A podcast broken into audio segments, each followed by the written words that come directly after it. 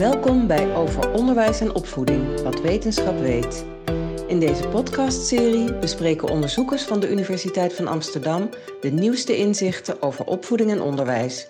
Leuk dat je luistert. In de podcast over onderwijs en opvoeding delen onderzoekers van de Universiteit van Amsterdam de laatste inzichten uit wetenschappelijk onderzoek. Wat weten we over het leren en ontwikkelen van kinderen, van jongeren en jongvolwassenen? Welke factoren spelen hierin een rol en hoe kunnen we deze beïnvloeden? Mijn naam is Chip de Jong en deze podcast is een samenwerkingsinitiatief met de Universiteit van Amsterdam, afdeling Pedagogische en Onderwijswetenschappen. Het doel van deze podcast, recent onderzoek naar onderwijs en opvoeding delen met een breed publiek. Dat betekent in deze podcast dat we de brug slaan tussen onderzoek en praktijk en zeker ook tussen wetenschapsdomeinen. Leuk dat je luistert naar een nieuwe aflevering. In deze aflevering staat pesten op school centraal. Want helaas is pesten nog niet de wereld uit. En pesten heeft ernstige gevolgen voor jongeren. Pesten maakt niet weerbaarder, pesten maakt je ziek, al dus mijn gast hoogleraar Minne Vekkes. En mijn tweede gast, Maud Hensums, stelt eigenlijk weten we nog niet zo goed hoe we pesten op middelbare scholen kunnen verminderen.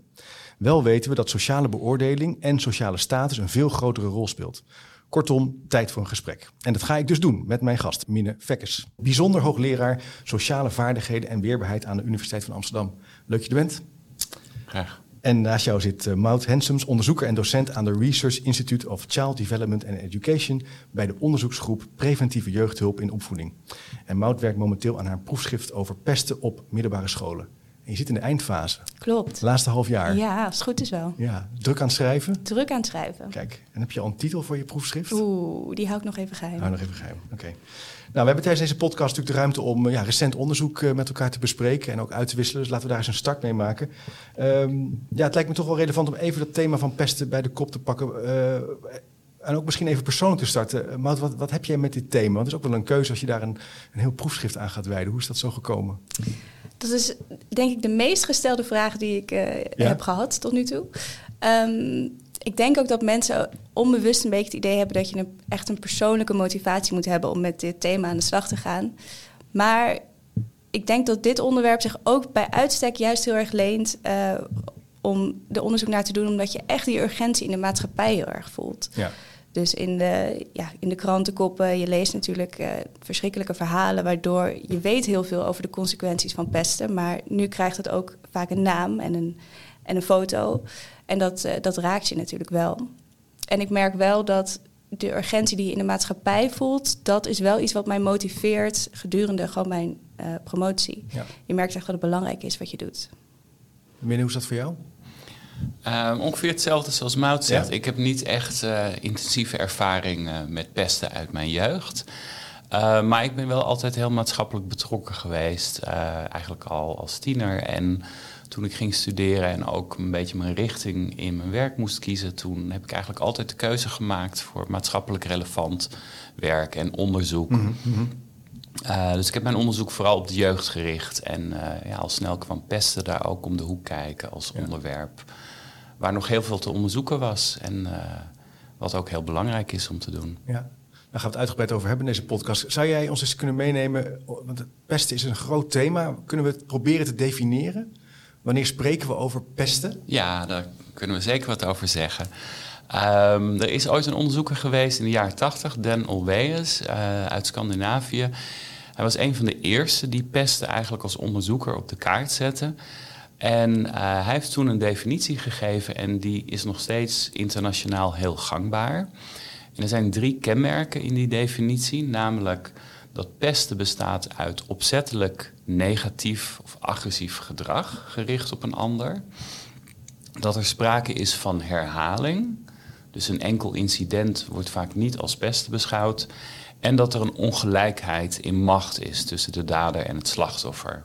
En dat is heel belangrijk, want op het moment dat dus bijvoorbeeld twee jongens regelmatig met elkaar vechten, dan is dat op zich heel vervelend. Maar dan wordt het niet als pesten beschouwd als er ja. van gelijke kracht zijn. Kijk, Wout, en, en, en hoe uh, ongelijkheid hè, en macht, mm -hmm. hoe, hoe, kan je dat uh, onderzoeken? Misschien een uh, lastige vraag, maar lijkt me best ingewikkeld om dat proberen af te pellen. Hoe, hoe, kijk, hoe kijk jij daarnaar? Want jij doet daar ook onderzoek naar op middelbare scholen. Zeker, en ik denk dat daar ook wel uh, in die ongelijkheid in macht status bijvoorbeeld een grote rol speelt. Oké. Okay. Dus uh, ja, bijvoorbeeld hele populaire uh, jongeren versus jongeren die niet zo populair zijn. Daar zit natuurlijk echt wel die ongelijkheid in macht ook in. Ja. Leeftijd is een, ook een belangrijk kenmerk. Oh ja. Gewoon het feit dat je ouder bent dan een, ander, dan een Precies, andere... ja. maakt al dat, je, dat er een ongelijkwaardige relatie is. Ja. En status dus de populaire kinderen versus de niet populaire of stillere kinderen? Ja, Ja. zeker. Of als je het in groepsverband doet, heb je natuurlijk ook al een bepaalde dynamiek Ja. eh, tegen een individu. Ja. Is het nou in de afgelopen tijd, eh, we hebben natuurlijk social media, wat ook Mhm. eh, enorm groot is. Hè? Kinderen hebben een telefoon en die zijn constant in contact met hun kinderen, of sorry, met hun vrienden en vriendinnen. Is dat, heeft het een extra dimensie toegevoegd aan jullie onderzoeksdomein? Absoluut. Ja, Ja? ja. Ja. En mensen vragen vaak of eh, digitaal pesten, of dat nou echt anders is. Ja. En in het begin dachten mensen dat ook wel, maar dachten onderzoekers dat. Maar inmiddels zien we dat het eigenlijk vooral een verlengde is van het pesten wat vanuit een groep ontstaat. Dus je ziet dat de kinderen die in de groep eh, worden gepest, dat dat vaak ook degene zijn die online vervolgens worden gepest. Dus het gaat door. Ja, In het is echt een verlengde van het eh, groepsproces, Ja. alleen dan dus buiten de klas. Ja. Ja, dus nu neem je het mee naar huis als je gepest wordt. ja, dat lijkt me dus ook nog wel eens een, een, een heftig punt. Want eh, school kan op, ging vroeger ja, voorbij en nu heb je dus nog steeds je telefoon bij je waar dat kan binnenkomen. Ja, Ja, en en hoe, hoe kan jij iets zeggen over hoe jij eh, te werk bent gegaan als onderzoeker dan? Omdat, en, en wat je precies hebt aan het bestuderen bent? dat kan ik zeker. Ehm, hoe ik te werk ben gegaan als onderzoeker. Mijn onderzoek kent verschillende onderdelen. Mhm. Dus ik heb bijvoorbeeld eh, ben de literatuur ingedoken en ik heb meer een soort samenvattend onderzoek gedaan naar wat we al weten. Ehm, ik heb samen met Minne eh, een, een studie gedaan waarin we eh, heel veel studies die over de hele wereld gedaan zijn, die eigenlijk onderzoek deden naar die antipestprogramma's. Die hebben we bij Ja. elkaar gebracht. We hebben die auteurs aangeschreven, die hebben een dataset gestuurd. Dus- Dus wij hebben eigenlijk een enorme dataset van meer dan de 40.000 eh, kinderen en jongeren. En daar hebben we bijvoorbeeld gekeken naar die verschillende interventies ehm, en voor wie die wel of niet goed werken. En we hebben ook een beetje de interventies vergeleken, welke componenten, welke elementen ze hebben. En of dat verschil maakt. Ja. Dus ja, een beetje kijken naar de vraag wat werkt voor wie. Dat is een onderdeel. En ik doe zelf ook nog het experimentele studies. Dus dan zijn we echt een beetje bezig met het mechanisme achter nou, het pesten, maar ook ander antisociaal gedrag op middelbare scholen. Ja. Dus een beetje kijken van kunnen we iets meer te weten komen over de motivatie en de groepsprocessen, waarom het eigenlijk zoveel gebeurt. Ja. En minder, waarom is het belangrijk om dat goed te analyseren? Wat, waar ben je dan naar op zoek als, als wetenschapper? Je hebt die enorme dataset, Ja. je hebt 40.000, het lijkt mij intimiderend veel. Nou ja, wat, wat Mout ook net aangaf van... ehm, we willen vooral nu weten van wat werkt er tegen Ja. pesten. We hebben inmiddels natuurlijk in het verleden via allerlei onderzoeken laten zien... dat pesten echt een serieus probleem is. Dat het eh, nou ja, in flinke mate voorkomt... En dat het ook tot allerlei negatieve gevolgen leidt. Met name bij de slachtoffers. Ze worden er gewoon ziek van. Ook op de lange termijn zien we dat het op iemands eigenwaarde, iemands depressie en iemands angst echt negatieve gevolgen heeft. Dus we hebben eigenlijk in de afgelopen decennia heel duidelijk met onderzoek kunnen aantonen dat pesten een serieus probleem is. En nu zijn we vooral bezig met interventies om te kijken van hoe kan je dat nu aanpakken. Ja. Er zijn inmiddels allerlei interventies ontwikkeld, eh, grote pakketten die je met name in het eh, basisonderwijs kan inzetten. En eigenlijk willen we nu wat meer weten over van ja, welke onderdelen werken nu het beste. En Ja. hoe moet je dus meer inzetten op die onderdelen. eh, en voor welke kinderen werken die mogelijk het beste. Ja. ja, want daar lees je wel af en toe wat over in het nieuws. Hè, dat eh, nou, scholen zijn verplicht om een protocol te hebben. Ehm, ja, m- mijn kinderen op de basisschool eh hoor je er ook wel eens wat over. Mhm. hè, dat dat allemaal is vastgelegd. Ja. Maar ja, is dat dan voldoende? Gaat het dan ook werken? Wat, wat zijn dan de elementen die maken dat, het ook, dat je het patroon kan doorbreken... of dat je het pesten kan stoppen? Zijn er al... Durf je er al dingen over te zeggen? Ja, hoor. Ja, wij hebben natuurlijk heel mooi onderzoek daarna gedaan. Ehm, van Marloes van Verseveld. Die is daar eh, vorig jaar op gepromoveerd. Ja.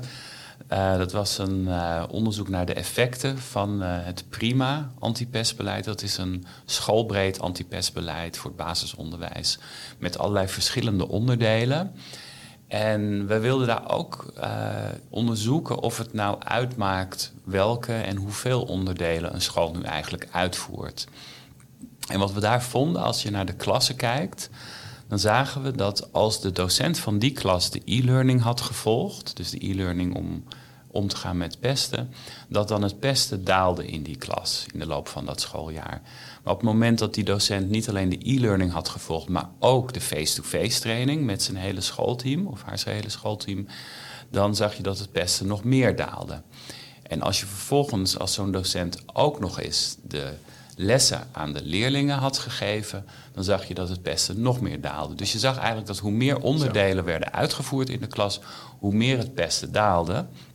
Wat we ook concludeerden was dat het dus belangrijk is om niet alleen de leerkracht te versterken, maar ook om op die leerlingen in te zetten. Want die hebben natuurlijk ook een hele belangrijke rol in dat uh, verminderen van pesten. Ja, ja het is heel interessant. Dat is naarmate je met een team meer uh, gaat professionaliseren, zou je kunnen zeggen.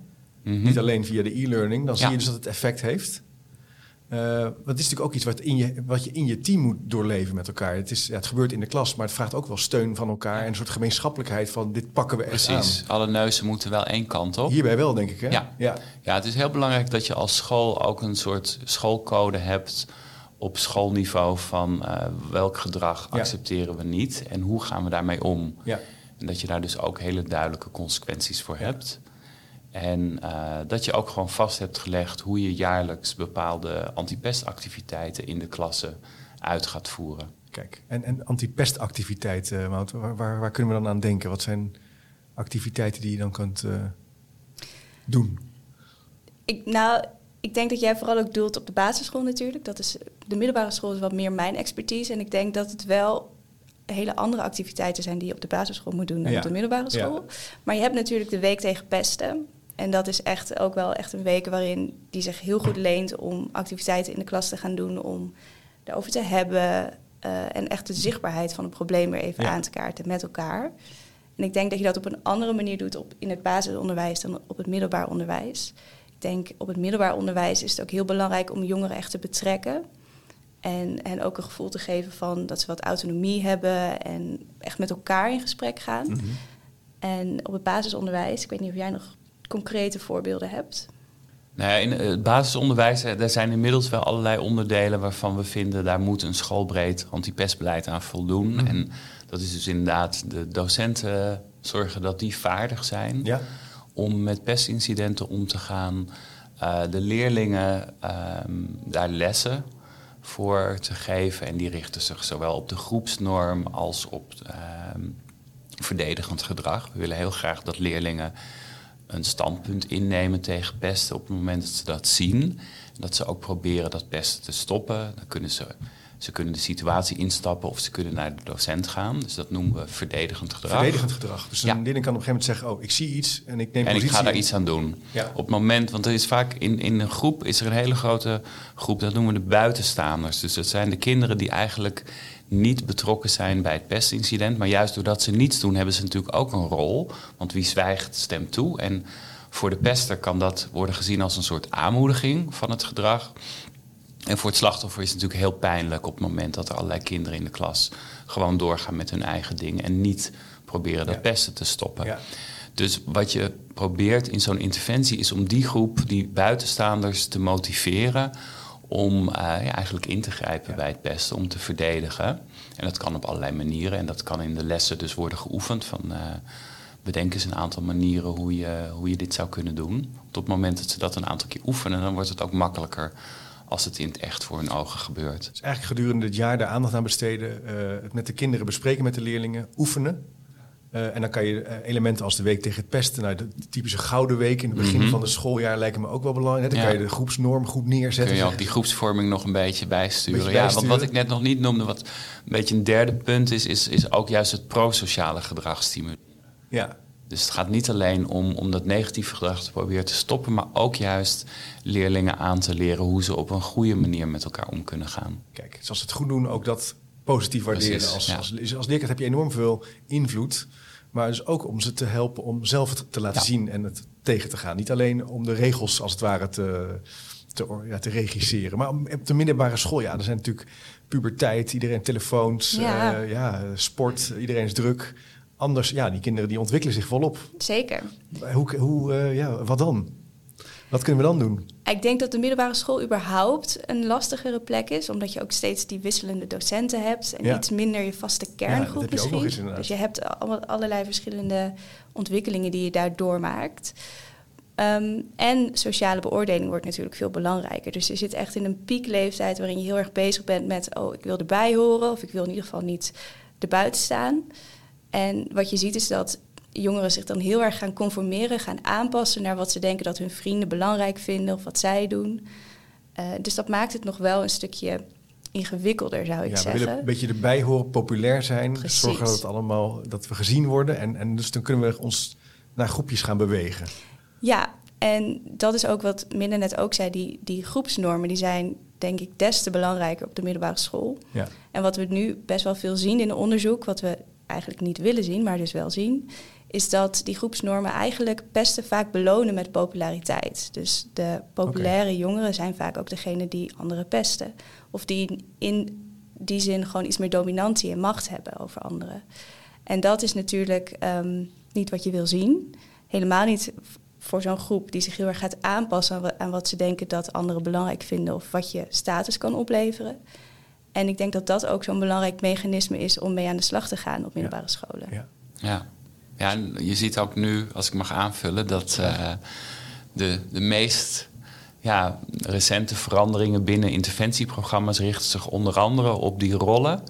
En uh, dan gaat het er dus om om meer meaningful roles voor jongeren te creëren die van zichzelf echt een behoefte hebben om een beetje te domineren in de groep.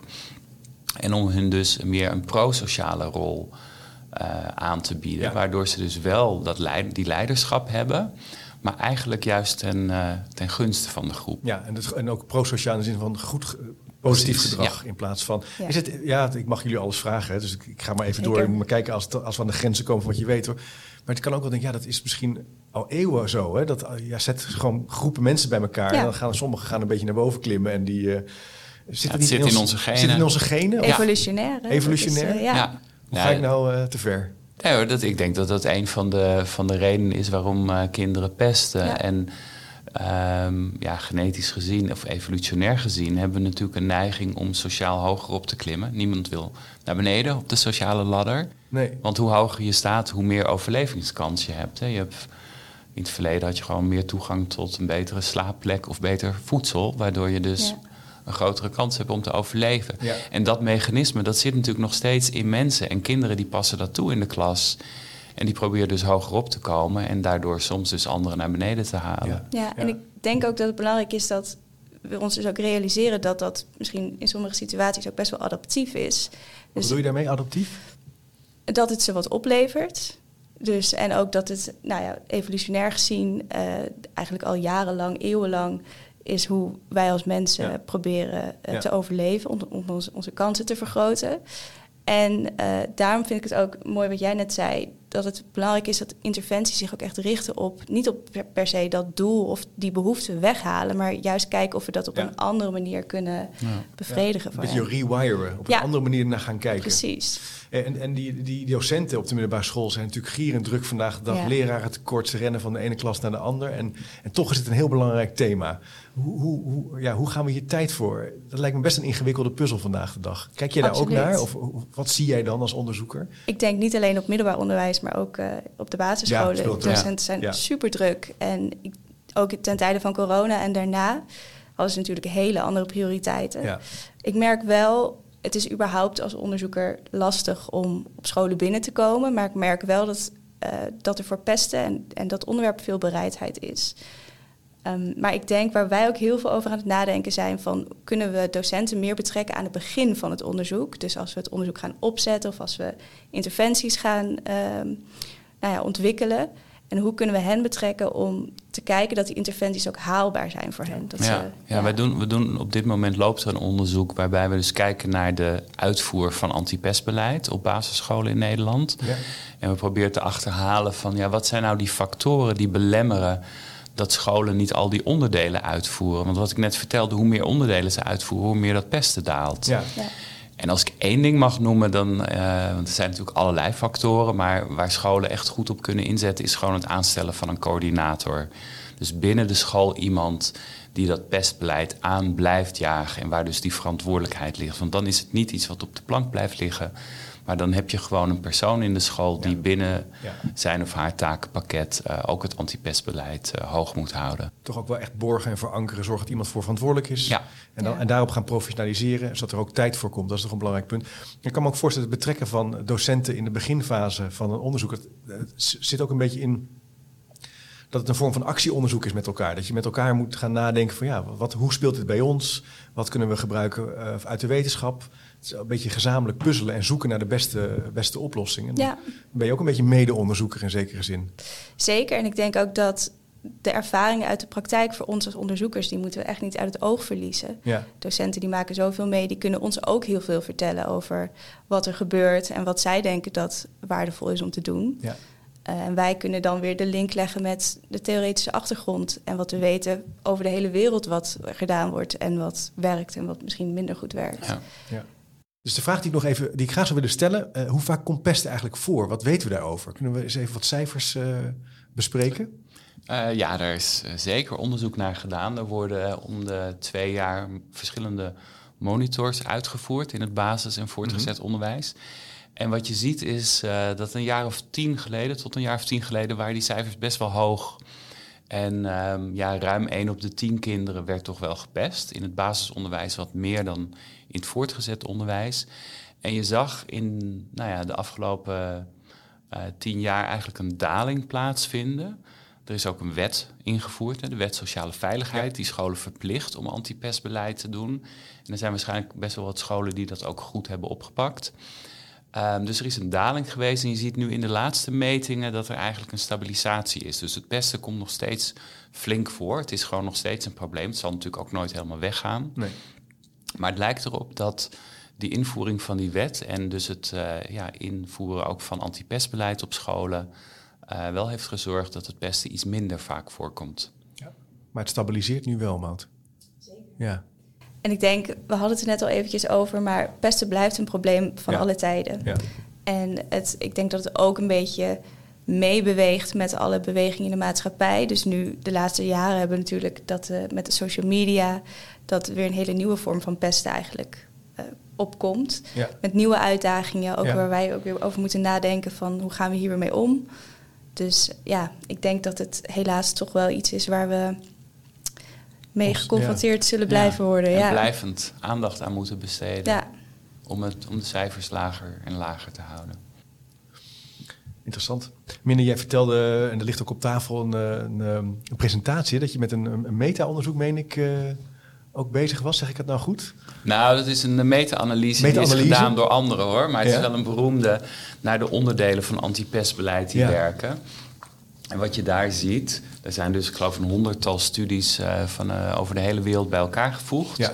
En je ziet eigenlijk dat daar met name naar voren komt dat, uh, wat ik net ook al aangaf, dat hoe intensiever een programma wordt uitgevoerd, of eigenlijk hoe, hoe meer een programma, hoe meer uren er de docent inzet in een programma, hoe meer effecten er worden gevonden. Ja. Je ziet ook dat programma's waarbij kinderen meer, dus de leerlingen meer worden betrokken, dat die ook grotere effecten hebben.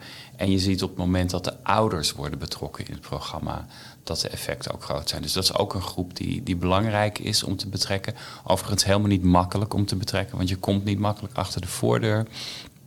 Uh, maar we weten wel dat uh, de manier van opvoeden enorm kan bijdragen aan uh, hoe kinderen zich in de klas gedragen. Dus eigenlijk ook dus de ouders proberen te betrekken bij, bij het aangaan en bespreekbaar maken van pestgedrag is heel belangrijk. Ja, dat is zeker belangrijk. En verder zien we dat het uh, qua maatregelen heel belangrijk is dat een school gewoon hele duidelijke, heldere consequenties heeft ja. voor pestgedrag. En heel duidelijk maakt welk gedrag wel en niet acceptabel is. Ja en een betere supervisie, dat is ook van belang. Ja, wat, is, wat bedoel je met supervisie? Dat, dat, uh, nou ja, bij de basisschool is dat natuurlijk vooral op het schoolplein. Ja. Uh, maar het is ook juist de gangen, eh, de toiletten. Dus op het moment dat de kinderen een beetje uit het zicht dreigen te verdwijnen, dan ontstaan natuurlijk situaties waar veel makkelijker tussen die kinderen gepest kan worden. Het zijn wel moeilijkere situaties om supervisie te houden, denk ik. Ook als je, we hadden het net natuurlijk over online pesten dat is voor docenten en ook voor ouders denk ik moeilijk om te monitoren. Ja. Het lijkt me ook belangrijk dat ouders ook uh, het betrekken. gaat ook over ehm, dat je ook weet hoe het, hoe het werkt. Hè? Dat die wereld er ook is en hoe die in elkaar zit. Het gaat ook over kennis. Hè? Dat je gewoon snapt uh, wat voor werelden je kinderen leven. En uh, dat is best een uitdaging, denk ik, om die ouders bij te betrekken. Maar toch wel heel belangrijk. Zeker. ja, hoe ouderavonden organiseren. ze betrekken via de, de Paro-app. Maar het is best wel een uitdaging. want als je een ouderavond alleen over pesten organiseert... dan komen juist niet die ouders die zou willen spreken. Oh, dus dus, dus hoe, hoe het bijvoorbeeld opgelost kan worden, is gewoon in je reguliere eerste ouderavond van het schooljaar. om het daar op de agenda te zetten. En dan tien minuten lang of een kwartiertje. Uh, het antipestbeleid te bespreken met de ouders. Onderdeel maken van, Precies, van het geheel. proces van het geheel. En niet uit gaan zoomen van. Uh, nee, want dan mis je net die ouders. Ja, dat is een belangrijk punt. Dat zou ik niet hebben gerealiseerd, inderdaad. Um, en Mout, jij bent met je, met je onderzoek bezig, je proefschrift. Mm wat zijn er alweer nieuwe vragen aan het opduiken, voorzichtig aan? Ja, ja. kan je er iets over zeggen? Want, dat je zegt van, goh, dit, dit, dit, dit zou ik ook wel willen bestuderen. Of dit komt eigenlijk boven nu. En ja, daar moeten we eigenlijk wel meer onderzoek naar doen. Ik denk dat we in, in het huidige onderzoek heel erg naar boven hebben gebracht wat er mist. Ja. En uh, dat we meer onderzoek moeten doen. Er ligt echt een gat op middelbare scholen in Nederland van ja, echt het kunnen aanbieden van interventies die wetenschappelijk goed onderbouwd en bewezen zijn. Um, daar ligt echt nog heel veel ruimte voor ons. En op een manier, waar ik eigenlijk net ook een beetje aangaf, op een manier dat het voor middelbare scholen en docenten ook haalbaar is. Dus je moet eigenlijk gaan kijken, wij als onderzoekers zijn altijd bezig met wat is de maximale effectiviteit die je kan behalen. Uh, maar het is denk ik mooi om te kijken in samenwerking met docenten, hoe kan je effectiviteit behalen op een manier die haalbaar is. Ja. En daar ligt denk ik wel, um, daar ligt ruimte. En ook wat meer inzoomen, want PES is, is toch wel een beetje anders op de basisschool dan op de middelbare school. We hadden het net al even over. Ja. En het is wel echt belangrijk om niet zomaar een interventie te knippen en plakken van de basisschool naar de middelbare school. En echt aan de slag te gaan met juist ook onderliggende motivatie en verschillende dynamieken die op, op het middelbaar onderwijs toch um, dus echt zelf blijven denken als school in plaats van denken, oh de vreedzame school, eh, dat heb ik ergens gehoord, dat gaan we ook doen. Kan best werken, maar het, je moet aansluiten bij je eigen praktijk, bij je eigen ontwikkeling. Ja, en ik denk wel dat, dat wij als onderzoekers ook wel uh, programma's kunnen onderzoeken die overal toepasbaar zijn, of tenminste op verschillende scholen toepasbaar zijn. Het hoeft ook niet overal helemaal anders te zijn. Daar zou ik niet per se voor pleiten. Um, maar dat het belangrijk is dat we het in ieder geval echt aanpassen op de adolescentie, op jongeren, op middelbare scholen. En dat we daar echt met die dynamieken aan de slag gaan van hoe kunnen we dat doen. En we hebben wel wat ideeën daarover. Mhm. ja. Dus dat uh, gaan we graag uitwerken. Ja, ja een paar dingen hebben we al genoemd natuurlijk, maar misschien hoe, hoe kijk jij daar? Wat zijn voor jou uh, grote stappen in de aankomende jaren waar je meer over wil weten of wat je meer wil gaan doen? Ja, nou ik, ik denk, er zijn, zoals Maat zegt, heel veel verschillende terreinen op dit moment. Uh, wat ik net al aanstipte, is dat gewoon het uitvoeren van antipestbeleid, daar willen we echt goed weten van hoe kunnen we nou zorgen dat dat goed gebeurt. Want we hebben inmiddels, zeker voor het basisonderwijs, effectieve programma's, maar de uitvoer, daar, daar schort het soms gewoon aan. En dat is ook lastig voor scholen. Die hebben gewoon heel veel op hun bord. Um, het tweede is dat we echt willen weten van ja, wat werkt nu? Welke onderdelen werken? En um, zitten die allemaal in die programma's? Want er zijn ook heel veel programma's waarvan we eigenlijk weten dat ze niet werken. En die worden ook door scholen uitgevoerd. Het is een beetje zonde van de tijd. Ja. Dus dat is, dat is denk ik wel heel belangrijk. Um, ja, en wat wij ook wel hebben aangetoond, of in ieder geval in de, ons onderzoek hebben gezien, is dat het niet altijd een kwestie is van baat het niet, dan schaadt het niet. Het kan ook uh, toch echt wel schadelijke effect hebben om interventies op scholen toe te passen die niet bewezen effectief zijn. Zeker voor bepaalde subgroepen van kinderen en jongeren. Dus daarom is het wel belangrijk om dat goed in kaart te brengen. Ja. Ja, ik denk wat, wat Mout ook net aangaf, het, we willen heel graag uh, ja, meer concreet kunnen zijn voor het voortgezet onderwijs. Ja. Want er zijn gewoon heel weinig programma's. En um, ja, misschien moeten er vooral onderdelen worden, worden ontwikkeld. Goede, goede stappenplannen voor situaties, goede handelingsprotocollen. Wat mij betreft moeten we jullie eh, ontwikkeling en onderzoek gewoon blijven volgen. Want eh, ik denk dat er de aankomende jaren veel meer gaat gebeuren. Ook dus wat jullie zeggen op het gebied van het middelbaar onderwijs alleen al. Ehm, leuk, bedankt voor jullie tijd om hier in de podcast te komen. Erg interessant. Ehm, als je nu luistert en denkt, hey, ik wil meer weten, abonneer je dan even op de podcast. En kijk ook even in de speaker notes. Plaatsen wat linkjes naar artikelen en achtergrondinformatie. Ik zou zeggen bedankt voor het luisteren en tot de volgende keer. Wil je meer weten over het onderzoek naar opvoeding en onderwijs van de Universiteit van Amsterdam? Kijk dan op de website cde.uva.nl. En luister een volgende keer weer naar deze podcastserie.